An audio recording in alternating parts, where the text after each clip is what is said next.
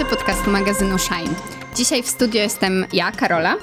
Ja, Ula. Jest też z nami dzisiaj wspaniała gościni Karolina Jackowska. Dzisiaj porozmawiamy m.in. o fotografii aktu, o relacji z modelką i o wszystkim właśnie tym związanym z fotografią. Cześć wszystkim, nie mogę się doczekać, ponieważ miałam ostatnio okazję sprawdzić się w wielu różnych nowych dziedzinach i z wielką chęcią podzielę się tym, co odkryłam na nowo, czego się nauczyłam. To my na początek chciałyśmy Cię zapytać, um, chciałyśmy wprowadzić może w to, że Twoje fotografie są bardzo charakterystyczne. Znaczy, że jak się postawi Twoja fotografia obok siebie, to bardzo często można powiedzieć, o, to Karolina Jackowska zrobiła. Jakby właśnie mają w sobie tę całą pozytywność, taki naturalność kobiecą, w ogóle kobiecość. I chciałyśmy Cię zapytać, czy miałaś e, najpierw takie założenie, że chcesz robić takie fotografie i potem dopasowałaś do tego formę, czy po prostu któregoś dnia wzięłaś aparat, zaczęłaś robić zdjęcia i okazało się, że z tych zdjęć wyłoniły się Twoje tematy? Ja ogólnie zaczynałam swoją przygodę z aparatem od pozowania i konkretnie pamiętam ten moment, kiedy zobaczyłam siebie dwunastoletnią na zdjęciu i byłam zdziwiona, jak to możliwe, że ja wyglądam tak dobrze i skoro mi taką radość sprawia pozowanie i skoro mogę tak się wczuć w różne role i czuć się tak fajnie, to chcę, aby inne osoby też tak się czuły. I z takim właśnie celem, założeniem w mojej fotografii przeszłam te 12 lat i jestem tutaj z wami. No właśnie, a twoje modelki i też modele, ale głównie modelki, y, są bardzo piękne, ale też bardzo często nie są tak stereotypowo, kanonicznie piękne. I chciałyśmy też zapytać właśnie, co cię zachwyca w ludziach i w jaki sposób dobierasz swoich modeli i modelki? Wszystko mnie zachwyca w ludziach. W tym momencie dużo lepiej fotografuje mi się nagie osoby niż e, takie, które mają na sobie t-shirt i spodnie. Nie wiem o co chodzi dokładnie, ale naprawdę ludzkie ciało i wiem, że to może już jest trochę passe mówienie, że każde to ciało jest piękne i że fałdka i wszystko jest sztuką ale naprawdę jest i ja w to tak wierzę. Tak, ale też u ciebie to nie jest nachalne, tylko to jest naprawdę piękne i o. widać, że nie robisz tego na siłę, tylko yy, tak, tak o, to, to widać bardzo. To też jest dla mnie w takim razie ważne, bo bardzo często zastanawiam się, jak robić to właśnie nienachalnie, nie na zasadzie, że o, mhm. popatrzcie, zrobiłam tak, zdjęcia. rozstępy, ładne. Tak, albo że zrobiłam zdjęcia e, osobie, która nie jest w kanonie, mhm. pogratulujcie mi, mhm. bo to chodzi o to, aby osoba pozująca czuła się z tym dobrze. Dlatego zawsze wcześniej rozmawiam z osobą, która będzie u mnie pozować, i tak naprawdę to ona w 90% ma wpływ na to, jak zdjęcie będzie wyglądać. Więc ja mam po prostu bardzo duże szczęście do osób pozujących i wiem, że dużo fotografów mnie przez to nie lubi, ponieważ daję bardzo dużą dowolność osobie, która będzie u mnie pozować. Bo ja wierzę, że ja mam ten przywilej, że mogę bardzo dużo robić zdjęć, które nie są płatne. Mam ten przywilej, że nie muszę robić na przykład wesel tak często i przez to Chcę wziąć ten mój aparat i dać go osobie, która nigdy nie miała zdjęć, ponieważ nie sądziła, że się nadaje, i mieć takie: pokaż mi, jak ty siebie widzisz. Tak, bo też często pracujesz z osobami, które wcale nie są modelkami właśnie z agencji, tylko to są często osoby, które w życiu nie stawały wcześniej przed obiektywem. I jak się, jak się z nimi buduje taką relację, żeby czuły się komfortowo i żeby miały zaufanie? To jest najlepsza zabawa i wykorzystuję do tego mój największy kompleks, ponieważ ja przed wszystkimi bardzo się otwieram. Szybko traumę z zerówki opowiem każdemu i po prostu przeniosłam to do sesji zdjęciowych. W momencie, w którym ja się otworzę, to i druga osoba się otworzy. Mhm. Tylko też chciałabym powiedzieć, że nie chciałabym nakładać presji na inne osoby robiące zdjęcia, ponieważ ja jestem teraz po prostu w takim momencie, że mogę sobie pozwolić na takie sesje. I dlatego podkreślam, że to nie każdy będzie miał ochotę zawsze się zwierzać, jedna lub druga strona, bo to mimo wszystko fotografia, no to spotkanie i też często praca, a ja po prostu do tego dorzucam taki psychologiczny aspekt. Nie nakładam presji na fotografów. A czy byłaś może świadkiem y, właśnie przemian w modelkach, jak to było? Czy, czy właśnie jakoś tak się bardziej otwierały, czy, czy jakoś tak miały większy potem komfort w kolejnych sesjach? ja mam bardzo duży instynkt macierzyński co do innych osób, ponieważ jestem w takim momencie, że znam wiele osób robiących zdjęcia, pozujących i przez to bardzo lubię organizować sesje. I wiele razy mam taką sytuację, że spotykam kogoś, umawiamy się tylko raz na zdjęcia, bo na przykład, no, mój styl nie każdemu pasuje, ale za to znam inną fotografkę, która idealnie uchwyci tą osobę. I bardzo miło obserwuje mi się, kiedy właśnie ja jestem tą pierwszą osobą, która zrobiła nawet takie sobie zdjęcia tej osobie, ale ona potem idzie dalej i, i widzę, że próbuje się w różnych stylach i nagle okazuje się, że idzie do agencji. I wiele razy miałam też sytuację, znaczy ja nie wymagam od tych osób wdzięczności, um, ale bardzo jest mi miło, kiedy dostaję wiadomość, że zainspirowałam ich albo zachęciłam do czegoś. I jak mam gorszy dzień, to przypominam sobie, że mm, może ta osoba, której pięć lat temu zrobiłam zdjęcia, a teraz jest gdzieś na jakiejś okładce, albo świetnie sobie radzi w, właśnie w modzie, to, to może chociaż tak jednej tysięcznej jest moja zasługa. A masz czasem takie sytuacje, że na przykład umawiasz się z kimś, rozmawiasz, zaczynasz robić te zdjęcia i czujesz, że właśnie coś mm, nie klika. I to nawet niekoniecznie chodzi o zdjęcia, o to, że jakby nie wychodzą zdjęcia takie, jakbyś chciała, tylko że właśnie ta, w tej relacji z modelką, o której już mówiłaś, tyle czujesz, że coś. Że się nie wyczuwacie. No właśnie, że się nie wyczuwacie. I czy, ma, czy, czy miałaś takie sytuacje i co wtedy też? Do mnie konkretnie przychodzą osoby, które znają mój styl, które mi od razu ufają i aż wiele razy jestem bardzo zdziwiona, że ktoś jest taki otwarty w stosunku do mnie. Okazuje się, że jednak robienie zabawnych instastory pomaga, ponieważ ludzie przez to mają wrażenie, że mnie lepiej znają. Na jakichś wydarzeniach czasami może być sytuacja, że nie do końca czujemy ten sam klimat, ale wtedy ja pokazuję osobie, jak, jak wychodzą te ujęcia, dyskutujemy ewentualnie, jakie zrobimy kolorki, wyślę pięć tych ujęć i polecam tej osobie jakąś inną fotografkę, z którą lepiej się dogada. Jakby nie jestem zła na tą osobę, nie jestem zła na siebie, zupełnie naturalnie, naturalna sytuacja. Tak, żeby, lepiej, żeby odpuścić bez presji, niż żeby potem tak y, chyba na siłę ciągnąć każdy w swoją stronę. Tym bardziej, jeśli tak bardzo cenisz ten kontakt pomiędzy osobą fotografowaną a fotografką, fotografem. A ja jeszcze jestem ciekawa, co według Ciebie właśnie, e, bo mówiłaś, że ostatnio bardziej się zwróciłaś w stronę aktu, a to jest jednak zupełnie inna, zupełnie inny rodzaj fotografii, a zwłaszcza właśnie taki akt ciało pozytywny, gdzie nie retuszujesz tych wszystkich niedoskonałości, tylko to pokazujesz. I co jest w tym najtrudniejsze? Albo jak, czym to się różni w ogóle sposób patrzenia i sposób robienia czegoś takiego niż na przykład zwykłych portretów albo. Mm, dla mnie najtrudniejsze jest to, żeby jednak pamiętać o, o tym, że osoba może się wstydzić. Zazwyczaj się nie wstydzą te osoby, i bardzo się boję, i nie miałam jeszcze nigdy jakiejś niemiłej sytuacji lub jakiejś, jakiegoś komentarza, że zachowałam się nie w porządku, ale bardzo się boję, że na przykład 101 osoba, którą poproszę, aby zapozowała w ten i w ten sposób, nie będzie czuła się z tym komfortowo i mhm. mi tego nie powie. Mhm. Na takiej zasadzie, że bardzo wtedy traktujemy ciało jako jakąś taką rzeźbę i nie myślimy o tym jako o nagość, tylko mamy w głowie określoną wizję, jak chcemy tą nagość pokazywać, zapominając, że to jest w ogóle nagość i ciało. Ale mimo, że ostatnio miałam właśnie możliwość porozmawiać z różnymi osobami, one się wypowiadały, to słuchając cały czas historii modelek, jak niektórzy fotografowie traktują je podmiotowo, przedmiotowo, przedmiotowo. podmiotowo to by się chciało, przedmiotowo, to cały czas mam z tyłu głowy tą myśl, a co jeżeli kiedyś to ja będę? Dlatego bardzo chciałabym zorganizować jakieś dyskusje, jakieś spotkania i posłuchać opinii różnych osób, bo już nawet myśląc właśnie o tym, co mogę powiedzieć dzisiaj Wam, to już miałam w głowie tysiąc sytuacji, w których może mogłam zachować się delikatniej.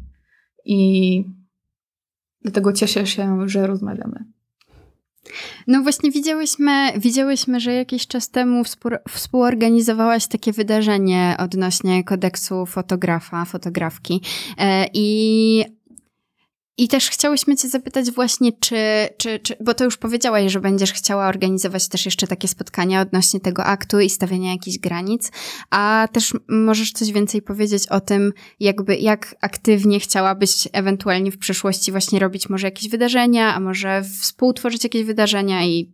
Na pewno bardzo chcę wyjść z swojej bańki, ponieważ ja mam to szczęście, że wokół siebie mam osoby, które myślą podobnie, mamy właśnie podobne przemyślenia, podobny sposób patrzenia i często nam się zdaje, że wszystko jest w porządku, że pracujemy nad sobą, że codziennie wstając zastanawiamy się, jak być lepszym fotografem, fotografką, a potem podczas większych spotkań, takich, gdzie potrafiło być po 50 osób robiących zdjęcia, okazuje się, że nawet takie najprostsze podstawy są czymś obcym. E, tak, albo wchodzisz na grupkę dla fotografów troszkę z innej bańki i wstawiasz zdjęcia z dziewczyny z włosami na nogach jako coś, że to jest absolutnie niedopuszczalne i obrzydliwe. Oj, na nogach to już, to już, to już zaszalałaś. Tam były takie problemy, że dziewczyna miała czapkę. Słuchajcie, dziewczyna miała czapkę i była na korcie um, do tenisa i to już było niekobiece. O, Naprawdę, nie. poprzeczka jest, poprzeczka jest tak nisko. Nie wiedziałam, że jest tak ciężko. Ja jest, też, ja jest, też nie. My też mamy swoje bańki. Jest nisko i ciężko i wychodzę z tej bańki i jest zawsze boleśnie i też nie chcę bardzo mówić stereotypowo, ale niestety w tym momencie chodzi o bezpieczeństwo moich modelek, osób, które mi pozują bo bardzo długo też się martwiłam, jak poruszać te tematy, ale nikogo nie urazić.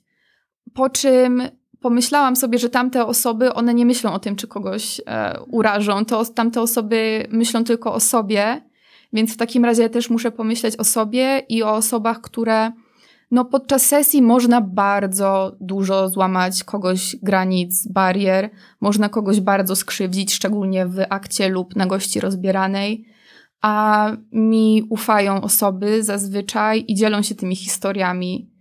I już rozumiem, że nie mogę się przejmować tym, że jakiś inny fotograf, jakaś inna osoba robiąca zdjęcia pomyśli sobie, że jestem niemiła, bo wolę być niemiła, niż potem mieć kolejną modelkę, która płacze mi na ramieniu, więc. A um, a właśnie a propos tego, co mówiłaś o, o tym, że ludzie ci ufają w akcie, to czy masz jakiś taki system, że na przykład zanim kogoś sfotografujesz, to ustalacie sobie jakieś granice, czy bardziej się tak wyczuwacie już w trakcie sesji?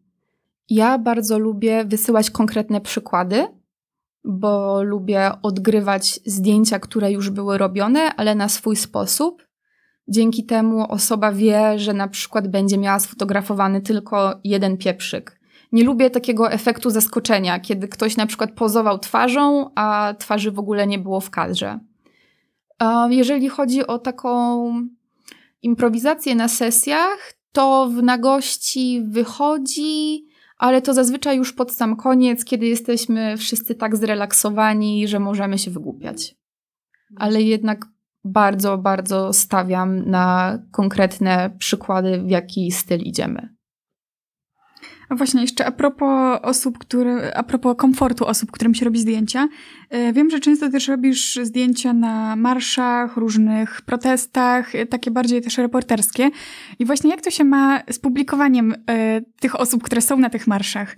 Już nawet nie, nie mówię tylko o tym, że one nie chcą, żeby wszyscy wiedzieli, że akurat w tym marszu ta osoba wzięła udział, ale też o samo, samo właśnie udostępnianie wizerunku.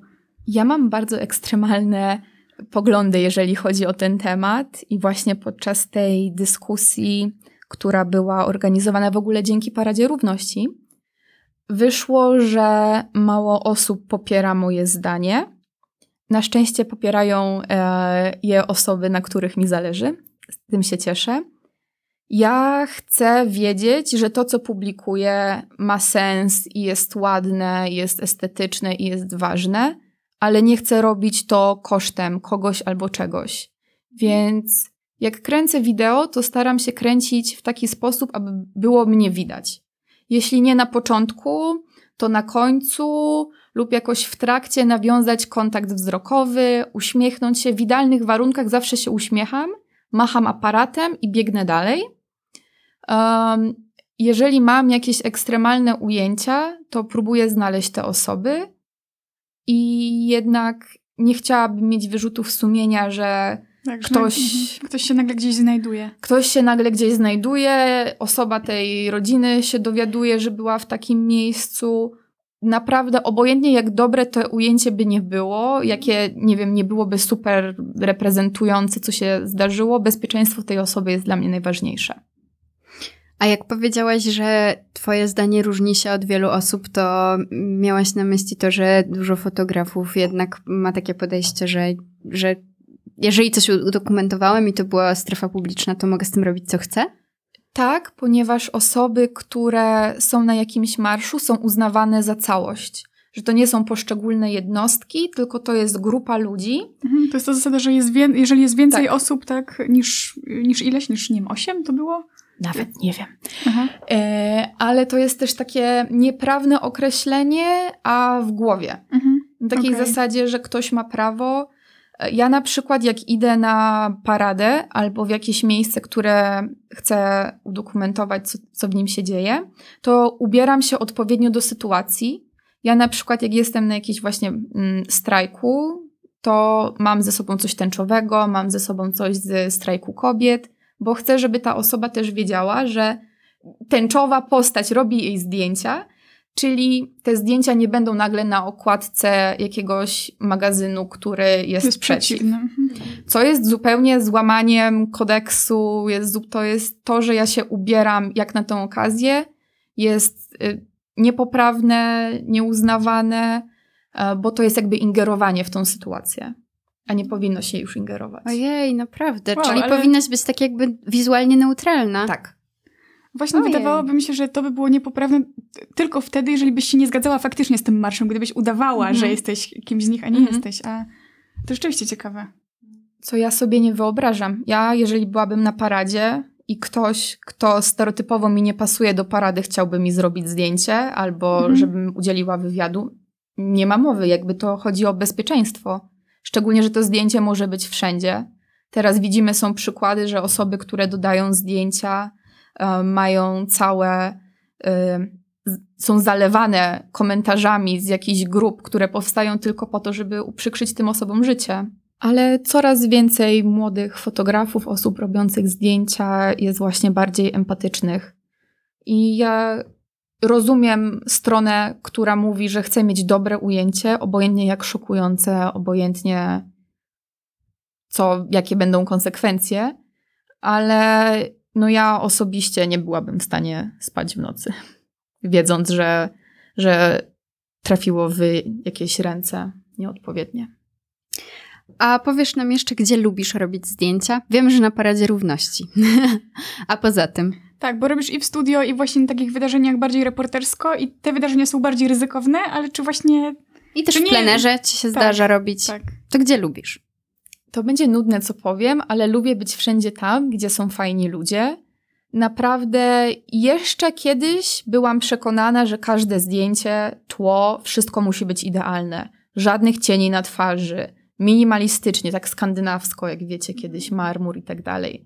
W tym momencie zrozumiałam, że to, co ja robię, ma pewnego rodzaju znaczenie też historyczne, że to jest jednak bardzo dokumentacja i nie musi być takie idealne, bo emocje, które są związane z tymi wydarzeniami i ludźmi, są dużo ważniejsze niż to, czy jest duży szum na nim, czy jest ciemne, za jasne. Więc w tym momencie zależy mi jedynie, aby być wśród osób, które reprezentują sobą coś, które są po prostu dobrymi ludźmi, bo wszyscy zasługują na ładne zdjęcia. A dobrzy ludzie często, szczególnie osoby działające aktywistycznie, zapominają o tym, żeby się fotografować i nie mają żadnych ujęć. I ja chcę im wszystkim zrobić zdjęcia, bo zasługują na nie. Właśnie, a jeszcze a propos tego aktywizmu. Bierzesz udział w bardzo wielu projektach różnych i chciałabyś nam powiedzieć o jakimś, który szczególnie właśnie jesteś z niego zadowolona. Wróciłam do robienia wideo i właśnie dla Akcja Menstruacja robię dużo dłuższy taki projekt filmowy. Niesamowicie się z tego cieszę, ponieważ prze, przeszłam na zdjęcia, kiedy nie miałam możliwości, aby mieć program do łączenia. Teraz znowu jestem z kamerą w ręku i to niesamowite uczucie, bo w końcu mam um, takie podstawy, taką wiedzę i takie znajomości, aby zrobić to, co mi od zawsze siedziało w głowie. Więc trzymajcie kciuki. Będzie a, super. Mhm. A przybliżysz nam, na czym polega ten projekt? Bo wiem, że akcja menstruacja właśnie przybliża problem ubóstwa menstruacyjnego i czy też może jakoś pokazuje okres menstruacji jako coś normalnego i po prostu oswaja nam ten problem? Na, czym, na czym to polega właśnie? Y, w wideo chcemy pokazać takie sceny, które dla nas, osób menstruujących, są codziennością i czymś normalnym, a czego nie widzimy. I będzie to dużo ujęć właśnie związanych takich z. Będzie dużo podpasek, dużo tamponów, kubeczków, gąbeczki, i to będą sceny z życia codziennego, pokazane po prostu z mojej perspektywy. Trochę też zaszalejemy pewnie. Myślę, że na sam koniec też to będzie wyglądało jakiś taki sabat czarownic, ale, ale to jeszcze zobaczymy, bo przychodzą do mnie osoby, które są chętne, aby wziąć udział w tym projekcie, mówią mi, jaki mają pomysł, jak, jaką mają wizję i to po prostu robimy. Każdy może dołączyć i swoją cegiełkę dołożyć. W ogóle wiecie, jak dużo osób się zgłosiło na ten projekt. Jestem pod takim wrażeniem, jest taka duża potrzeba, aby rozmawiać o okresie nie spodziewałam się, że tyle osób będzie chciało wziąć udział w takim bardzo intymnym jednak mm. projekcie. A są osoby, które są bardzo zdecydowane, zmotywowane, aby działać i po prostu przychodzą i no dobra, tu mam czerwoną farbę, tu mam majtki, trzymaj, to jest moja podpaska. Yy, Ale czat. Od razu wow. zdeterminowane, gotowe do pracy, bo wiedzą, jakie to jest ważne. Właśnie fajnie, że zaczyna się o tym mówić i żeby, mam nadzieję, że przestanie być problemem to, że idzie się do toalety z podpaską w ręce i trzeba ją chować w rękawie albo gdzieś. No właśnie, ja jak mam być szczera, to wszystkie projekty, które robię i wszystkie tematy, które poruszam, to jest takie trochę przepracowanie mojej traumy albo coś, co ja w dzieciństwie chciałabym zobaczyć. Mhm. Hmm. Więc jakby coś, to jest samolubne z mojej strony, wybaczcie, po prostu robię rzeczy, które... Ale egoistka. Prawda? Mam małe dziewczynki w rodzinie. 10 lat temu urodziły się dziewczynki i wtedy miałam swoje pierwsze takie feministyczne nagle przemyślenia, bo pojawiła się właśnie mała dziewczynka i ja miałam takie ojeju, to ona będzie miała też takie ciężkie życie jak ja. Te 10 lat temu jeszcze nie wiedziałam, na czym polega feminizm, ale wiedziałam, że moje życie i to, co przeżyłam, to chyba nie jest do końca w porządku i że fajnie, jakby można było to zmienić. I teraz jestem niesamowicie szczęśliwa, bo wszystkie zdjęcia, które robię, wysyłam im. Dla nich to jest zupełnie normalne. I cieszę się, bo widzę, że młodsze pokolenia również zaczynają działać w tym kierunku jestem aktualnie po prostu zachwycona działaniem. 15, 15 16, 17-letnie dziewczyny szaleją. Na TikToku oglądam i widzę, że, że są wszystkim tym, e, e kim chciałabym być. No ale to właśnie wydaje mi się, że też się dzieje w bardzo dużej mierze dzięki takim akcjom jak ta, o której ty mówisz, jak to wideo. To, że to się, wow. to, że to się jakoś normalizuje i że po prostu dociera na takich platformach jak, nie wiem, Instagram, właśnie TikTok chociażby, że przesuwamy sobie i widzimy, nie wiem, modelkę na wybiegu, a potem widzimy, widzimy foto z akcji menstruacji, które zrobiłaś. I dzięki temu jakoś to tak mniej się Chodzi wydaje taką czerwoną strefą, o której. I ja sama też widzę, że jest wiele tematów, które na początku dla mnie były też takie sobie. Takie, wiecie, usiadłam do nich i robiłam takie zdjęcia lub wideo, ale sama nie byłam przekonana. I musiało minąć trochę czasu, żebym ja do tego dorosła. Myślę, że najważniejsze jest to, aby nie być złym na siebie, jeżeli czegoś nie rozumiemy i pamiętać, że możemy czegoś nie rozumieć. Tak, tylko po prostu szukać uczciwie. I szczególnie też patrząc na zdjęcia, bo dużo osób właśnie mi pisze, że na przykład nie słyszało o ubóstwie menstruacyjnym, mhm. że ich było stać na podpaski. Mhm. I ja mam takie, no super, gratulacje.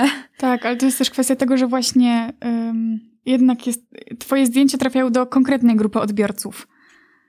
Więc może oni się faktycznie z tym nie zetknęli bezpośrednio, ale ważne, żeby o tym wiedzieć a ja bardzo Wam polecam e, Angelika, która również brała udział w kręceniu filmiku do akcji menstruacji, dodała na grupę fotograficzną wideo do oceny. Wideo. Jak to, czy to jest poprawnie nakręcone i tak dalej. Komentarze są niesamowite. Widać, że potrzebujemy lepszej edukacji seksualnej. Um, problem jest właśnie z tym, że na podpasce jest brokat. Bo dostaję też dużo komentarzy, że a po co pokazuje te rozstępy? A po co pokazuje ten celulit? Dużo osób już ma dosyć tego mówienia, że, że ciała są takie, siakie i owakie. No i wtedy chciałabym mieć przygotowaną chyba taką teczkę komentarzy, że to nie jest tak, że my już osiągnęliśmy tą równość. I zmieniając temat, to chciałyśmy Cię zapytać, czy lubisz być fotografowana? Bardzo dobre pytanie. Lubię, ponieważ lubię widzieć siebie, jak inni ludzie mnie widzą. Lubię dowiedzieć się, jak ktoś chce mnie pokazać, jak mnie spostrzega. Jeżeli byście na przykład mi powiedziały kiedyś, że dobrze wyglądam w kolorze niebieskim, to bym była zachwycona, bo to dla mnie taka fajna ciekawostka. Jako, że mm, mam i miałam jakieś zaburzenia odżywiania, nigdy nie wiedziałam, jak wyglądam w lustrze, to zawsze jestem zaskoczona, jak siebie zobaczę. I za każdym razem wyglądam inaczej i to niesamowicie ciekawe zobaczyć siebie na zdjęciu. Właśnie niedługo szykuję się na sesję, nie mogę się doczekać. Mam pytanie, co cię poza fotografią jara? Czy możesz nam coś polecić? Co lubisz? Bardzo zaczęłam lubić makijaż. Tylko nie taki makijaż, jakiś taki klasycznie, żeby ładnie wyglądać, tylko biorę jakąś czerwoną pomadkę, nakładam sobie na całą powiekę, robię sobie kropkę na czole albo cztery i właśnie bardzo zaczęłam bawić się swoim wizerunkiem. To też w kontekście trochę fotografii. Na zasadzie, że jedna twarz, a może tak różnie wyglądać, i wtedy nabiera się też dystansu do siebie. Że zachęcam wszystkich do pozowania. Obojętnie jak wyglądacie, ile macie lat, co Was interesuje. Uważam, że fotografia powinna być czymś bardziej naturalnym, bo to niesamowite jest spojrzeć na siebie pięć lat później i przypomnieć sobie te wszystkie emocje, które się wtedy czuło. I można też wtedy dowiedzieć się, w jakim było się miejscu, na przykład patrząc na swoje brwi. Ja mogę powiedzieć, w jakim jestem miejscu. Skoliłam je sobie do połowy teraz. A obserwowałam twoje brwi w pewnym momencie i pomyślałam, że są strasznie fajne. Wyglądają trochę tak diabelsko. A tak, tak, tak, tak. Um. A ja też chciałam powiedzieć, że właśnie fajnie jest patrzeć na swoje zdjęcia sprzed pięciu lat. E, znaczy, może wyjątkiem jest okres gimnazjum. Bo tam, ale tak to fajnie jest spojrzeć e, na swoje zdjęcia właśnie sprzed tam iluś lat i wszystkie tam kompleksy, które się wcześniej miało, w ogóle jakoś tak znikają i Boże, co ty do siebie miałaś? Przecież wyglądałaś naprawdę spoko i tak, to jest czasami fajne bardzo. No, chociażby w ogóle takim sztandarowym przykładem moim i moich koleżanek z podstawówki była przerwa między zębami, że wszystkie, które miały przerwę między zębami, to był jakiś w ogóle kompleks niesamowity, niesamowicie wielki, a teraz to w a to ogóle... jest takie fajne. W ogóle no. przerwa między zębami ekstra. No. Ja wam bardzo polecam TikToka, ponieważ jak przejdziecie przez nieśmieszne komentarze i seksistowski content, to można odkryć świat niesamowitych kobiet, które są z każdego kraju na świecie, mają różne swoje ludowe stroje. Wróciły w ogóle też różne subkultury, wiecie? Że znowu bycie emo jest na przykład modne. I są dziewczyny, które są chodzącymi gotkami. I są w każdym rozmiarze i niesamowite jest, jakie wsparcie otrzymują. Ja poradziłam sobie ostatnie te cztery miesiące tylko dzięki właśnie TikTokowi i oglądaniu, jak różni są ludzie. Właśnie fajnie jest popatrzeć na różnorodność. Fajnie. Ja y, przyszła mi jeszcze do głowy taka anegdota sytuacyjna, powiedzmy. E, właśnie, bo ja nie używam TikToka, ale moja przyjaciółka używa i opowiedziała mi w zeszłym tygodniu ją. I ona ma taką tam, no, taką normalną liczbę obserwujących, nie jest jakimś fejmem e, TikTokowym. I wstawiła jeden filmik, jak mówi na nim, że tam e, kochanie, jestem gruba i ktoś odpowiada, e, przecież jesteś piękna. I on odpowiada, Nie powiedziałam, że nie jestem piękna. Jestem piękna. Powiedziałam, że jestem gruba. E, I następnego dnia rano obudziła się i miała 61 tysięcy powiadomień. I to pokazuje, że po prostu wystarczy użyć takiego, wiecie, takiego bardzo prostego zestawienia gruba, piękna. I nagle świat wybucha. I, Widziałam to. I usunęła je następnego dnia rano, bo jak zobaczyła wszystkie straszne komentarze, to... A, myślałam, że to właśnie dobre były te reakcje. Nie, bo to był jednak ten świat, Różne. nie te, ten kolorowy, do którego można się dobić, tylko to ten świat ją uderzył, jednak ten taki... A, em, okej. te, O, właśnie, to jest też dobre, że nikt z nas nie musi być takimi męczennikami na zasadzie, że jeżeli dostaniecie jakiś niemiły komentarz, nie musicie odpisywać, nie musicie nikomu tłumaczyć, dlaczego wy dodaliście to zdjęcie z rozstępami, nie musicie tłumaczyć się, dlaczego pokazaliście celulit. Usuwamy, blokujemy, Google istnieje, można sobie wyszukać. Tak samo też z tymi sesjami bo bardzo często to jest męczące psychicznie. Każdy musi znaleźć, co dla niego pasuje. Dobra, to dzięki Karo za Dziękuję rozmowę. bardzo. Tak, i dzięki za ten ostatni akcent. e, do usłyszenia za tydzień. To był podcast magazynu Shine. Do usłyszenia, cześć. Cześć.